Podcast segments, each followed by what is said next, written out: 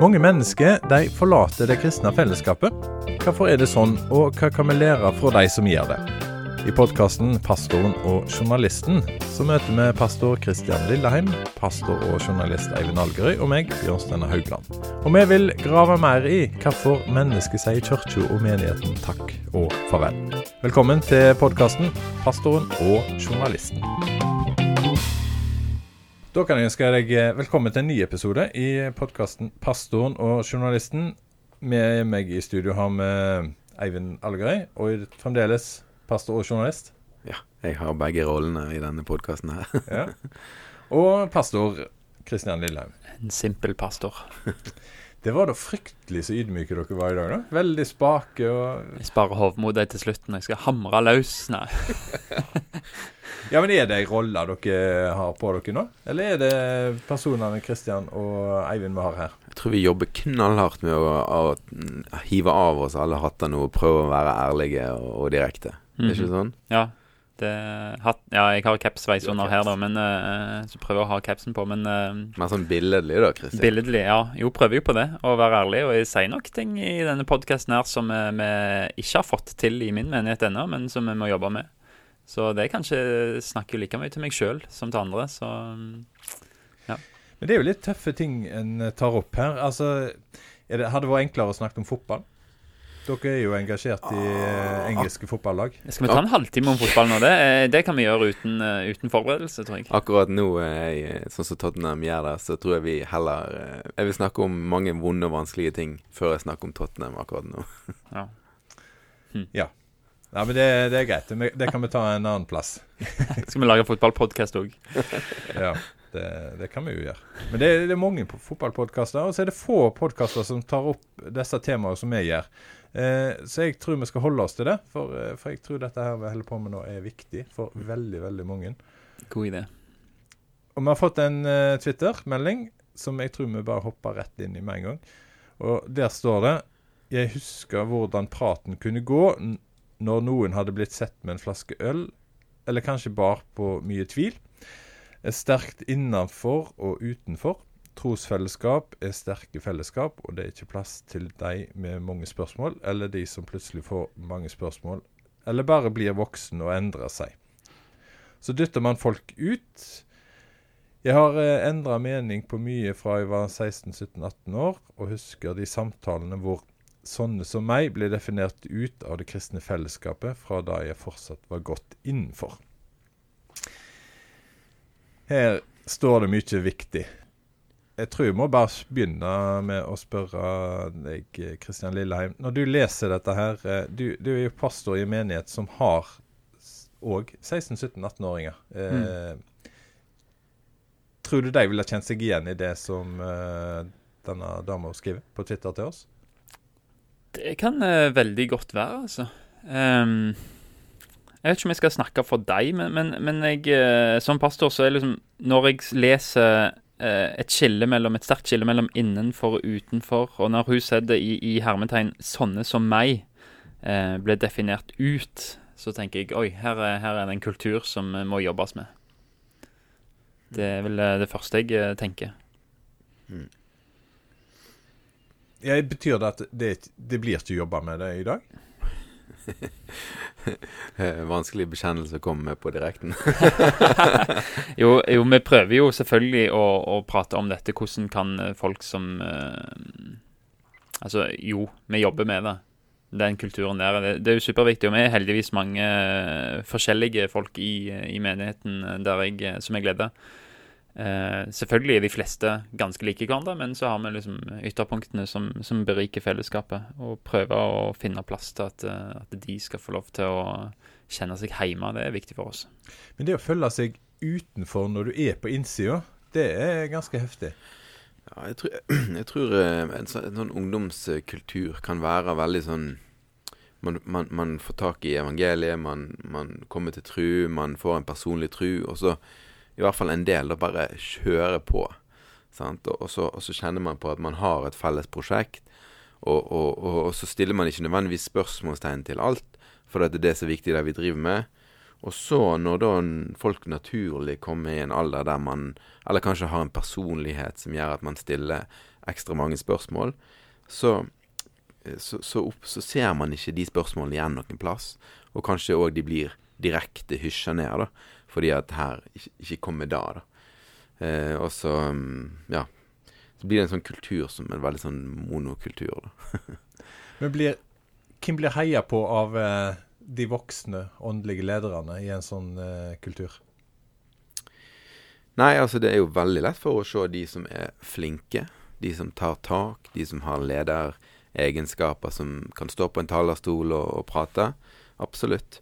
Eh, og det skal vi jo. Men eh, hvis vi kan kanskje vise at eh, livet er bredere enn kun de, det som er strigler, så er det sikkert det bra, da jeg ser jo at det er jo altså Som journalist så prøver man jo å følge litt med på hva som skjer rundt i, i Kristen-Norge. Og det er klart at det er mange ungdomsmiljø der det går veldig fort, der det er veldig eh, strigla, der det er um, mange som er like hverandre. Så, eh, og så har man jo historier som eh, har dukket opp de siste fem årene, kanskje, av folk som har vært i den type ungdomsmiljø noen mer ekstreme enn andre. Men da du får den der eh, veldig sånn monokulturen, da. Som er veldig sånn prega av oppdraget, og som har lite rom for eh, forskjellighet eller tvil eller nå, nå, sa du noe mer ekstrem enn andre, og så tenker, ser jeg for meg at du snakker om noen som de andre er, er ekstreme. Jeg, vi er ikke så ekstreme. Tolker jeg det rett? da? Jeg er jo bare journalist i denne. Nei, altså hvis man Altså, jeg er jo òg pastor i en menighet som er, som er forholdsvis konservativ i en del spørsmål, og det er jo egentlig ekstremt.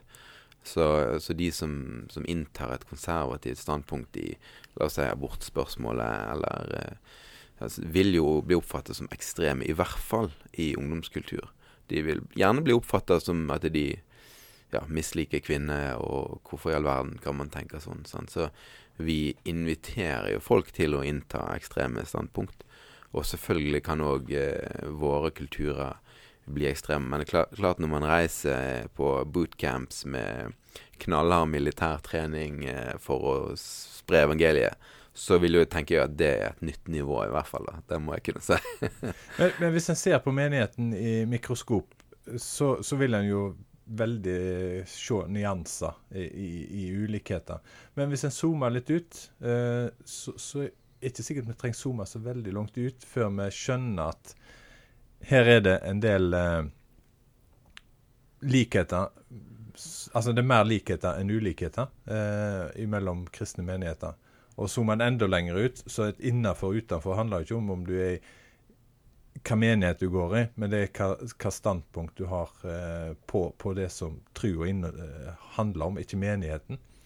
Eh, har vi av og til i kristne sammenhenger glemt å zoome ut? Med, med, når vi snakker om dette her, så, så har vi veldig sånn fokus på, på godt inn forbi dørene og godt innenfor eh, det som skjer i menighetene. Mm.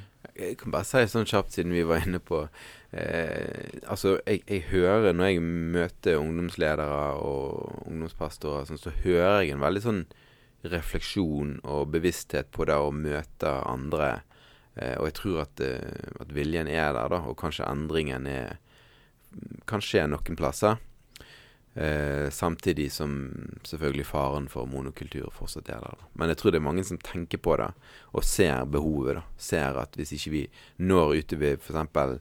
de ungdommene som kommer opp fra menigheten naturlig osv., så, så har man et problem. da mm.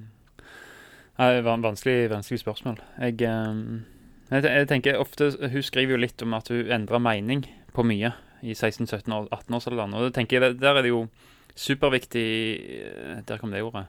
Eh, det er viktig at eh, menigheter skal få lov til å ha sin, sin teologi, sin tradisjon, og som kan stå i en tradisjon som er, er mange mange hundre år gammel og gjennomarbeida. Og det, det, er greit at menigheter har sine synspunkter, og det skal de få lov til å ha. Og det er ikke alltid at menigheten skal endre seg, selv om noen medlemmer endrer syn på ting. Men, men, det å gjøre rom for at det er greit å være gjennom en, en prosess der en stiller spørsmål med ting, og hjelpe dem gjennom og, og vise at ja, det er forskjellig i kirkehistorien her, har vi landa på forskjellige konklusjoner. Vi står for dette, men vi anerkjenner våre søsken som lander på dette. Og være litt åpen og zoome ut og si at kristenheten handler jo faktisk om troen på Jesus Kristus som Guds sønn eh, og frelser, eh, og at det får konsekvenser for livet, og vi tenker det ser sånn ut. Eh, men hjelpe folk igjennom det, det tror jeg er viktig å si at allikevel så skal ikke alle menigheter nødvendigvis endre seg. Eh, fordi, men, fordi enkeltmedlemmer endrer seg. Eh, men det, det, er lov for en menighet å stå i en tradisjon. Ja, tenker jeg på. Men nå er dere voksne og, og snakker til unger eller ungdommer. Hva lærdom har dere gjort av eget liv, når dere nå har fått litt distanse til den tidsperioden som de er i? Hvordan bruker dere de erfaringene? Akkurat det her med eh, Spørs jo litt hvem du prater med, da. Men det her med at eh, livet skjer. Altså, det vil si at eh, jeg sier av og til da, til ungdom de, For de kan oppleves litt sånn planmessig. De er veldig flinke, unge mennesker. De er veldig flinke. De har tenkt gjennom ting eller livet, og de har planlagt, og de har sånn og sånn. Og så, så er det en, en, ting å tenke på, da. At livet, det, det leves, det skjer. Det blir til underveis. Ting som ting dukker opp da, som ikke man kan forutse. Eh, så det, ser jeg en del da, til unge mennesker. Og, og da at de, hvis du skjønner da at livet ikke alltid er planlagt, så har du òg litt mer høyde for at andre òg gjør ting som ikke nødvendigvis du er enig med. Eh, for at du skjønner at OK, ja, men du, du, lever ditt liv, du holder på med noe her. Du, du har en, en, vei som du vandrer på. Sant? At man, at man bredder litt ut, da. At ikke livet kan alltid planlegges. Ikke alltid Ja. Eh, det leves, da. Det tror jeg eh, Det pleier jeg å legge litt vekt på. Mm. Så tror jeg vi må vite om at ungdommer de lever i en egentlig virtuell virkelighet, eh, mange av dem. Sant? De lever på mobilen i spill, de lever i diverse sosiale medier. Eh, og de har Beklager å si det, ungdom, men, men mange av dem har veldig få bekymringer eh, sånn i den alderen der. Og så plutselig en dag så, så, kommer de bekymringene. Livet egentlig slår hull på denne glassflaten og denne virtuelle virkeligheten her. Så da tror jeg det er superviktig at eh, vi som menighetsledere, men spesielt ungdomsledere, er så tett på at de viser at når livet slår igjennom den flaten, så er kirka der og sier 'vi er her'. Vi, vi ser deg. Vi, vi vil eh, gå med deg. Uh, og om, den, om, det slaget ser ut som tvil, om det ser ut som spørsmål om de store etiske ting, og kan dette stemme, eller uansett hvordan det ser ut, at vi, Kirka viser at dette vil vi være med på. Det tror jeg er viktig. Så må jeg bare si det, da. Eh, jeg reagerte når du sier at ungdommer har ikke så mye eh, problem. Det skal vi ta på det største alvor. De problemene hun har når en er 16-17-18 år, om en kanskje vi som voksne kan si at de er ikke så store, så er de verdens største for deg. Ja, godt poeng. Og det tenker jeg av og til Det å leve seg inn i situasjonen til andre mennesker Hvor mye dyrker en den i, i kristne sammenhenger? Eh, kanskje vi kjenner litt på det når vi lager den podkasten her, at masse ligger der. Altså evnen til medlevelse, innlevelse i andres liv. Og, og eh, så, så, så vi, um, vi, må bli bra på det. altså. For hvis du tenker på hva det var Jesus gjorde sant? Jo, han kom ned fra det høye. Sant? Han kom ned fra om, uh, sine omstendigheter, som var veldig gode. Han hadde det helt perfekt. Uh, og så trer han inn i vår uh, verden. Og det er jo blant annet for å, å, kunne vite, for å kunne ha medfølelse med oss i våre ulike fristelser og, og problemer, da. Så um, det slår vel litt mot oss at uh, det er noe av det som kanskje mangler da, hos oss som kristne. Medfølelse, medlevelse, det å gå uh, så så mange mil i andre sine sko, som det heter. sånn. Så um, mm. Ja, men, men ja, for kristne blir jo ofte sett på som moralister, som setter en agenda for hvordan en skal leve. Det er helt sant. Og det er jo et paradoks. Eller ikke et paradoks, men det er det ironiske, egentlig, da. At en gjeng mennesker som egentlig har det til felles at de har sagt ja, jeg sliter. Ja, jeg har et problem. Eh, nei, jeg kan ikke frelse meg sjøl. Ja, jeg trenger tilgivelse. Skal ende opp med å bli de som, som i hvert fall blir oppfatta som de store moralistene som sier Mm. hvordan andre skal leve, når egentlig budskapet deres er at eh, det finnes tilgivelse. Mm. Det er ironisk. Jeg tror det, det er veldig fort gjort for oss å, ehm, å gjøre evangeliet til noe mer enn gode nyheter. Vi gjør det til, eh, til en måte å leve på. Vi gjør det til gode råd. Eh, vi gjør det til en sånn sjekkliste som du skal følge opp. Men, men sannheten er at i Bibelen, og altså, alltid i kirkehistorien, evangeliet har vært gode nyheter som skal tros. Ikke, ikke en måte å leve på. Og, og, men det har en kraft i seg som, som gjør at det endrer noe. Men, men det, det er Guds ansvar. Eh, Og kanskje har vi på en måte blanda litt eh, for mye Altså lagt for mye i, i det. da At evangeliet er et råd og ikke gode nyheter. Mens jeg tenker det skal være gode nyheter som skal Hvorfor er vi kommet der? Nei, si det. det. Det er vel òg en vilje, da. Etter å kanskje rushe eh, kristenlivet på folk. At uh, vi vil at det skal gå fort, men, men kanskje skal vi tenke at det skal ta den tida som det tar. Jeg vet ikke. At Gud kan gjøre ting, store endringer, men i hans tid. Vår oppgave er å forkynne evangeliet. Jeg er blitt litt sånn uh, fryktelig ivrige uh, Guds hjelpere? Eh, Jeg tror det er et godt poeng. At vi kan bli og, og vi kan bli litt redd hvis noe ikke går etter planen. Sant? Og så er det jo vanskelig òg som menighetsleder når, når ting bryter og, folk lever på, på måter som, som det begynner liksom å snakkes om. Sant? Og så kan man liksom så, så man kan bli veldig ivrig etter å få det inn. Jeg tror det har en historisk side. Det snakker vi jo litt om òg her i denne podkasten. At det, vi, vi er ikke uavhengig av konteksten vi lever i, sammenhengen vi lever i, og vi lever i en kultur I hvert fall en del menigheter da, lever med en forståelse av at eh, vi er en kristen nasjon, altså, men så egentlig er ikke vi det. Vi er veldig sekulariserte. Og så har man en forventning til at man skal leve sånn som man levde, eller i hvert fall sånn som man tror man levde for 50 år siden, eller 70 år siden kanskje. da. Så at, eh, at vi må liksom orientere oss litt i hvordan virkeligheten er for mennesker. da. I denne tweeten som jeg har fått inn, så står det bl.a. om eh, i, I første setningen så står det Jeg husker hvordan praten kunne gå når noen hadde blitt sett med en flaske øl, eller kanskje bar på mye tvil. Øl og tvil, det Jeg må jo bare ta tak i det, for, for det står jo her. Altså Er det et tema som gjør at en blir sett ned på i, i kristne sammenhenger? Jeg tror eh, Altså Kanskje for 15 år siden, ikke, eller kanskje mer alder. Når jeg var på videregående, at det var mer tabu. Nå er det ikke så mye snakk om, eller så stort tabu lenger i der jeg går. Og jeg tror folk har forstått at eh, Eller er innforstått med at avhold er en eh, Du kan ikke argumentere totalavhold ut fra Bibelen, men, men ut fra et samfunnsperspektiv eh, og nestes perspektiv og sånt. Men at der er det forskjellig syn på det. Så jeg tror ikke det er så stort tabu lenger. Selvfølgelig tenker det er jo bra å si at 18-årsgrensa er er 18-årsgrensa fra myndighetenes side, og Bibelen sier noe om å følge myndighetene, så det er jo noe viktig der. Men, men tvil eh, Jeg vet ikke. Jeg, i hvert fall, det er et bibelvers i Judas brev i, i vers 23 der. Um, vers 22 står det. Mot dem som tviler, skal dere være barmhjertige. Det er så enkelt som det. En setning. Vær barmhjertig. Uh, hvordan, hvordan ta imot de. Uh, og jeg, for min del, så er ikke tvil et tabu lenger. Eh, skråsikkerhet Vi snakket litt om dette før vi begynte å ta opp episoden, men skråsikkerhet er egentlig eh, verre enn tvil i en menighet.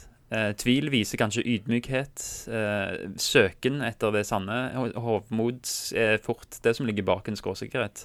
Så kanskje er tvil eh, bedre enn å være skråsikre. Eh, og iallfall så er tvil eh, Du tenker iallfall at du er på vei mot eh, Du søker etter sannheten, og hvis, hvis Jesus er sannheten, så tåler han alle spørsmål. Men er skråsikkerheten blitt eh, skam, da? At eh, vi, vi på en måte tør ikke snakke hva det egentlig innebærer å være skråsikker? Skråsikker tror jeg er et negativt begrep i seg sjøl. Altså, jeg tenker at, eh, at tvil kommer i ulike eh, grader, kanskje, da. Eh, og at eh, sånn som Judas, og det er ikke han Judas som skriver det brevet eh, eh, han, han skriver, tror jeg, til mennesker som, som føler seg litt lost eh, i sin tvil, da. Som har en tvil som blir eksistensiell, sant. Altså vi skal ha barmhjertighet med de. Men han kan òg rette seg kanskje til mennesker som, som bare strever med spørsmål. Eh, som tenker gjennom ting på nytt. At de òg trenger barmhjertighet. De trenger tålmodighet. Og at de trenger å bli møtt. Eh. Og så har vi jo den tvilen som vi alle har. Altså som er det som kanskje redder oss fra skråsikkerheten, da. Som er en sånn eh, Som kommer av at vi, vi er mennesker. Gud er Gud. Det er en del ting vi ikke forstår. Jeg har hørt at um, folk har sagt at uh, hva, Altså, hva gjør du med tvilen? Sant? Hvis du, hvis du, arbeider med tvilen, hvis du blir de tingene du lurer på Du, du forsøker å, å, få svar. Du i hvert fall ber om å få svar. Du ønsker svar. Så er du på en måte kanskje på en god retning. Men hvis, du, hvis tvilen er på en måte blir en del av din identitet, da, og hvis du måtte bade litt i den tvilen, og det så tenker jeg kanskje at det kan være lite konstruktivt. For hvis det finnes svar, hvis Jesus for eksempel da, virkelig har levd, så kan det finnes svar. Hvis han virkelig er nær, så, så kan det finnes svar.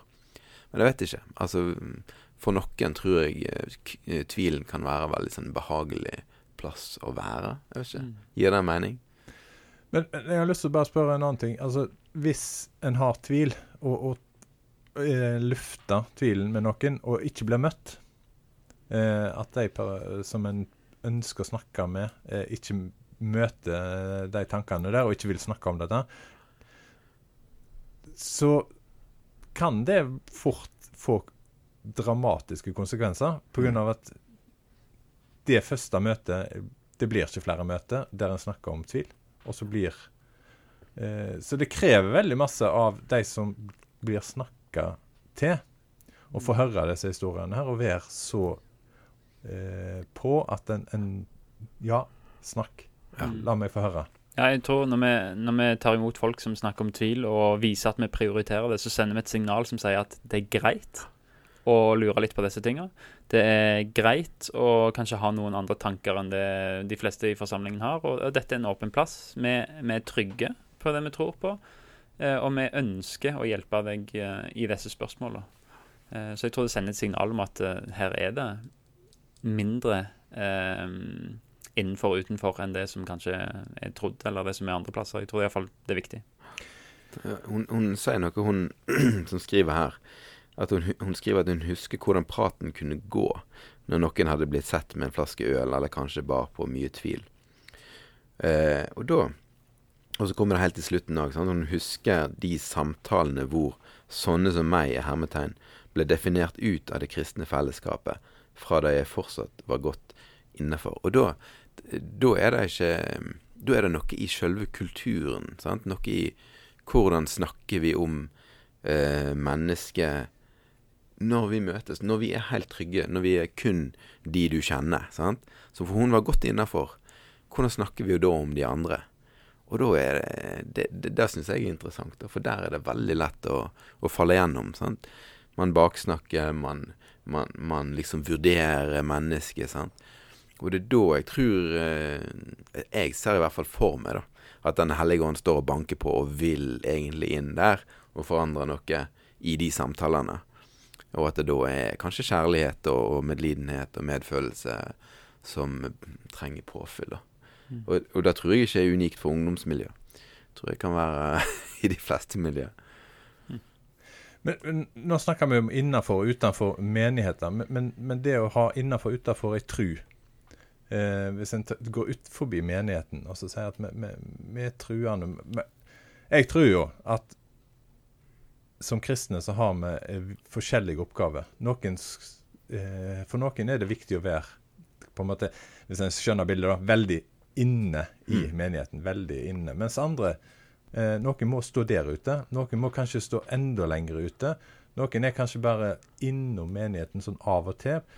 Eh, snakker vi for enkelt i kristne sammenhenger om menigheten? At vi, ser ikke hele bildet. Vi, vi ser de som er, sitter på første rad og er, smiler og er fornøyd. Ja Det var et ledende spørsmål der. Ja. Jeg tror det. Jeg tror, jeg tror, absolutt det. Jeg tror det er en kjempefare. Vi ser det, altså vi tror det vi ser, eller vi forholder oss til det vi ser. Sant? Ikke til det vi ikke ser. Og jeg tror at det, det livet som leves eh, der ute, er enormt viktig. Eh, hvis Guds rike skal bres ut, så er det først og fremst der det skjer. Jeg tror kanskje at vi må bli flinkere til både de som kanskje opplever at OK, jeg går i en menighet, men tjenesten min, den er der ute. Den er på fotballtreningen, eller den er sånn. Kanskje de må bli flinke til å snakke litt òg, inn i menigheten. Og, og sånn at menigheten kan få lov til å glede seg over at du har den tjenesten, og at du snakker med de og de menneskene, og at du eh, Og samtidig at menigheten må, må være raus, og gi rom. Ja. Eh, det er til veldig stor hjelp. Eh, folk som kommer til meg som pastor og, og sier du, jeg har ikke tjeneste, men det er fordi at jeg eh, driver dette eh, laget for navigatørene, eller for skolelaget, eller for krikk, eller for allidrett, eller, eller hva som helst. Og da å kunne være der som menighetsleder og si kjempebra, gjør det, kom hit og få påfyll, ut igjen. Eller folk som sier jeg er fotballtrener, jeg har ikke tid til å være på disse, disse samlingene. Eh, så, så, snakk om det. For det, det igjen så, så, er det noe som skaper bevissthet i oss som ledere. Et spørsmål her på uh, om en innenfor eller utenfor menigheten. Hvis en nå snakker vi om hvis en er en forelder som er veldig engasjert i ungene. Eh, ta det som eksempel. Eh, en er med på FAU, en er med på ting på skolen, en er med på treninger. Eh, og så, så, går det på bekostning av engasjementet i menigheten. Er en en del av menigheten når en hører talene deres på podkast? ja, vanskelig. Um, hvem er menigheten? Uh, det er jo de troende som først og fremst uh, Vi tenker jo at Vi har jo podkast i Salem fordi vi nettopp ønsker at de som ikke har tid, først og fremst av, av, de som definerer seg som Salm, skal få, få høre taleserien. og få, Noen er på søndagsskolen, noen er diverse plasser. Men at alle skal få anledning. og Samtidig så ser vi jo i Petro, kristne radiokanalen, at der hører vi jo rapporter fra folk som de er for syke til å gå, eller de har, de har dårlig erfaring med menighet. Og, og Petro, radioen, er deres menighet. Så det er noe med å tenke at det er flere enn kanskje vi ser på lørdager og søndager i menigheten. Um, og ja. Jeg mm. håper jo iallfall at podkasten kan være til nytte for, for deg som uh, ikke har anledning til å samles. Men jeg vil òg understreke at uh, det er viktig å prioritere å samles som storfellesskap av og til. For uh, ikke minst nattværen, og, og, for å høre vitnesbyrd, og for å komme sammen og, og kjenne på styrken i fellesskapet. Ja, jeg, jeg tror òg det. Jeg tror at hvis um når Jesus samler disiplene rundt eh, nettopp eh, og måtte når han innstifter nattverden, så er det veldig nært. Og du skal spise legemet, og du skal drikke blodet, og du skal på en måte få del i han, da. Og, jeg tror menigheten er til for at mennesket skal få del i Kristus, da, og komme sammen. Eh, så, jeg tror at på en måte tyngdekraften bør være inn mot fellesskapet, da. Den bør virke inn mot fellesskapet. Og så er det omstendigheter som kan gjøre at man ikke kan komme, eller ikke klarer å komme. sant? Man, man er så uh, sick and tired av hele menigheten, for all del. Um, men det er noe fint med det å være sammen som mennesker. Da. Eller kan i hvert fall være det. Og igjen så vil jeg oppmuntre til å bevisstgjøre ledelsen på det. Mm. Vi er her, men eh, vi har ikke tid akkurat nå en periode, eller akkurat nå så, så orker jeg ikke en periode. Men jeg er her. Jeg er en del. Jeg tror det er fint å, å vite om. Ja, jeg, altså, jeg har sagt til folk eh, i f.eks. folk som får barn, sant? altså blir travle, og det er en ny, ny fase i livet og sånn, så har jeg sagt at altså, jeg, jeg, vil jo gi rom, jeg vil gi forståelse, og, og man blir sliten og sånn. Men jeg, jeg sier samtidig at eh, hold fast på eh, det å komme sammen med, med menigheten på gudstjenesten om du så slipper alt annet i forhold til da å komme på andre ting som menigheten driver, og, og alt sånt. Og om så bare én av dere kommer. For det, saken er den at hvis du først slutter å gå til gudstjeneste, så er det så lett for at det forsvinner ut av livet. Og når, du, når gudstjenestelivet forsvinner ut av livet, så er det veldig, mange, veldig stor sannsynlighet for, tror jeg, at òg trua eh, forsvinner ut. da. For, for, vi er litt enkle, vi mennesker. Og jeg tror nok det Gud tenker litt på det når han innstifter menigheten. At vi, eh, vi, trenger de jevne påminnelsene. Vi trenger de synlige påminnelsene på hva det er vi tror på, mm. hva det er vi for resten av livet vårt handler jo i liten grad Altså det andre vi omgås, handler i liten grad om tru. Så at det er viktig å komme sammen eh, til gudstjeneste, jeg tror det. Men så er det jo det vi snakker om her nå, er jo sterke historier om mennesker som kanskje har fått det opp i halsen. Full forståelse for det. Eh, det er en annen eh, side av det, da. I eh, Klostervesen så snakker vi om ordningen. Ordningen er altså forskjellige tidebønner, lønnkammer og gudstjenester. Altså de faste tingene som er i kristenlivet. Og det var en, Jeg skal ikke si hvem av de, for jeg husker ikke, men en av disse ørkenfedrene, det vil kanskje det kalles, som sa eh, 'bevar ordningen', eh, for da skal ordningen bevare deg'. Jeg tror noe fint i det for, folk som tviler, for folk som har det travelt eller er på andre plasser. Eh, ta vare på de faste tinga Eh, og de kan ta vare på deg. Når, når, du har den rytmen, så kan den ta vare på deg når ting bytter litt imot i kristenlivet og i fellesskapet. Har du som hører på ting som du har lyst til å utfordre pastoren og journalisten på, spørsmål om tru, om uh, menighet, om uh, liv, så ta kontakt med oss. Og det kan du gjøre på uh, Twitter, du kan gjøre det på Instagram, du kan gjøre det på Facebook, og du kan òg sende mail til oss. Dette kan du lese mer om dersom uh, vi skal skrive det i, i, teksten som følger til denne podkasten her. Men uh, jeg tror vi må gå mot avslutning. Mm. Yes. Skal vi bare avslutte med å lese de versene i kontekst, som jeg leste fra Judas brev? Ja. Vers 20 og ut brevet. Men dere, mine kjære, må bygge dere selv opp ved deres høyhellige tro under stadig bønn i Den hellige ånd bli værende i Guds kjærlighet, mens dere venter på at vår Herre Jesu Kristi barmhjertighet skal føre dere til evig liv. Mot dem som tviler, skal dere være barmhjertige. Andre skal dere berge ved å rive dem ut av ilden. Og mot andre igjen skal dere vise barmhjertighet med frykt, så dere til og med skyr kappen som er flekket til av kroppens begjær. Han som har makt til å bevare dere fra fall og føre dere fram for sin herlighet, jublende og uten feil, han, den eneste Gud, vår frelser ved Jesus Kristus, vår Herre. Han tilhører all ære og majestet, velde og makt, før alle tider, nå og i alle evigheter. Amen. Du har hørt podkasten 'Pastoren og journalisten'. Vil du sende oss mail, bruk adressa pod.petro.no. Du finner oss òg på Facebook-sida 'Pastoren og journalisten'.